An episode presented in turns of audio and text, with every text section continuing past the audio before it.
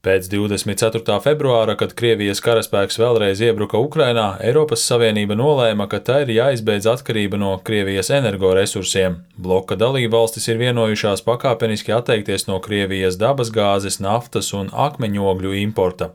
Somija ir to dažu Eiropas valstu vidū, kas jau iepriekšējos gados bija daudz paveikušas, lai samazinātu no Krievijas piegādāto energoresursu apjomu. Tāpēc Somi bez liela satraukuma uztvēra Krievijas neseno lēmumu atslēgt dabasgāzes un elektrības piegādi valstī.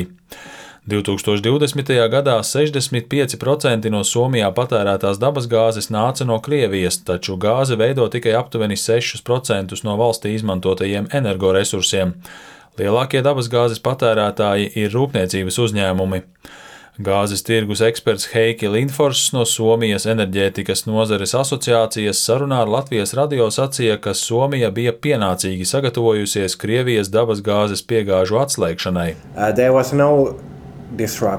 of, of production Krievijas gāzes piegāžu atslēgšanas dēļ netika pārtraukta ražošana. Arī patēriņš saglabājās normālā līmenī. Mēs bijām ļoti labi sagatavojušies Krievijas gāzes atslēgšanai pirms vasaras. Pagaidām nav skaidrības par nākamo ziemu. Mēs nezinām, cik daudz gāzes būs pieejams. Tāpēc viss būs atkarīgs no iecerētā peldošā sašķidrinātās gāzes termināļa. Mēs ļoti ceram, ka to varēs izmantot līdz ziemai. Runa ir par Somijas un Igaunijas kopīgi īrēto peldošo sašķidrinātās dabasgāzes termināli, kas nodrošinātu abas valstis ar daļu no nepieciešamās gāzes. Somijas gāzes tīkla operators Gasgrīd maijā parakstīja termināļa nomas līgumu ar ASV uzņēmumu Accelerate Energy. Tas paredz, ka desmit gados par termināļa īri būs jāmaksā aptuveni 460 miljoni eiro. Vaicāju Somijas ekonomikas pētniecības institūta pētniekam Billem Kaitilam, cik rentabls būs peldošais sašķidrinātās gāzes terminālis. Visticamāk, ka tas būs daudz dārgāks risinājums nekā importēt dabasgāzi no Krievijas, bet tā ir cena, kas mums būs jāmaksā par enerģētisko neatkarību no Krievijas. Tas pats attiecas uz citu energoresursu importu no Krievijas. Mēs varam iegādāties enerģiju no citiem piegādātājiem, bet cena būs nedaudz augstāka. Kaitila piebilst, ka Krievijas gāzes importu daļēji var aizstāt ar biogāzi un dabas gāzes piegādēm no Igaunijas pa cauruļvadu Baltic Connector, kas ir savienots ar sašķidrinātās dabas gāzes termināli Klaipēdā. Savukārt sašķidrinātās dabasgāzes pārdevēji būs jāmeklē netālu esošajā Norvēģijā un arī daudz tālākās zemēs, stāsta Linfors. Market, countries... Kas attiecas uz globālo sašķidrinātās dabasgāzes tirgu, mums ir jāskatās, kuras valstis plāno palielināt savus ražošanas apjomus tuvākajos gados. Šajā ziņā Amerikas Savienotajām valstīm būs visnozīmīgākā loma. Katara un Austrālija arī ir lielas sašķidrinātās gāzes ražotājas, bet mēs nezinām, vai tuvākajos gados būs pieejami gāzes pārpalikumi. Mēs zinām, ka amerikāņi palielinās sašķidrinātās dabas gāzes ražošanas apjomus, bet mēs neesam pārliecināti, vai līdzīgi plāni ir arī Katarai vai Austrālijai. Uh, Lindfors bilst, ka tehniski ir iespējams jebkurā brīdī atsākt dabasgāzes piegādes no Krievijas, taču pašlaik nekas neliecina, ka vismaz tuvākajā laikā kāds vēlēsies tirgoties ar Krieviju.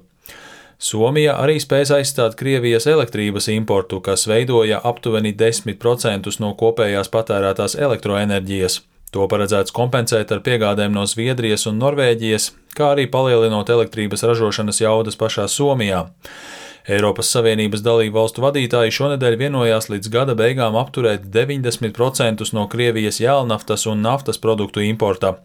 Somija iepriekšīgi gadu no Krievijas importēja jēlnaftu un naftas produktus 3,5 miljārdu eiro vērtībā. Reaģējot uz Krievijas iebrukumu Ukrainā, Somija jau martā no Krievijas importēja par 70% mazāk jēlnaftas, aizstājot to ar jēlnaftu no Norvēģijas. Jūlijā Somija pilnībā pārtrauks naftas importu no Krievijas. Tas visticamāk nozīmēs ievērojamu degvielas cenu kāpumu. Liela nozīme Somijas enerģētiskās neatkarības nodrošināšanā ir atomenerģijai, stāsta Somijas ekonomikas pētniecības institūta pētnieks Ville Kaitila. 2020. Gadā atomenerģija nodrošināja 19% no valstī patērētās elektrības. Šogad rudenī darbu vajadzētu uzsākt Somijas piektajam atomreaktoram. Tas jau pašlaik strādā ar daļēju jaudu, bet rudenī tam vajadzētu strādāt ar pilnu jaudu.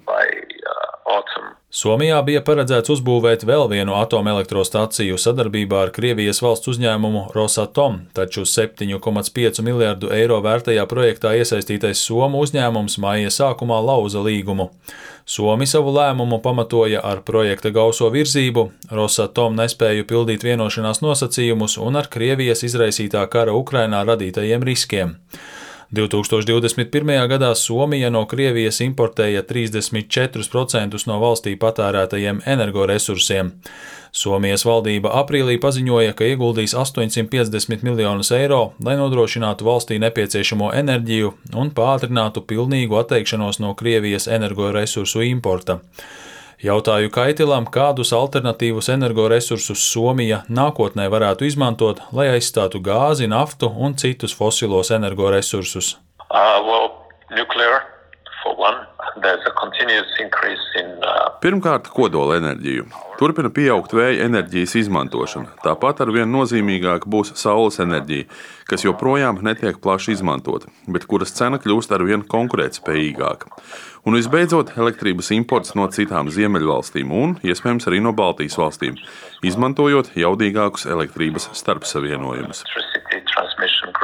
Arī vairākums Somijas iedzīvotāju atbalsta atteikšanos no Krievijas energoresursiem.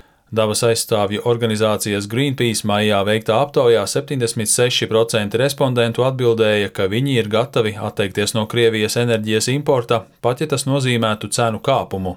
Uldis Česberis, Latvijas radio.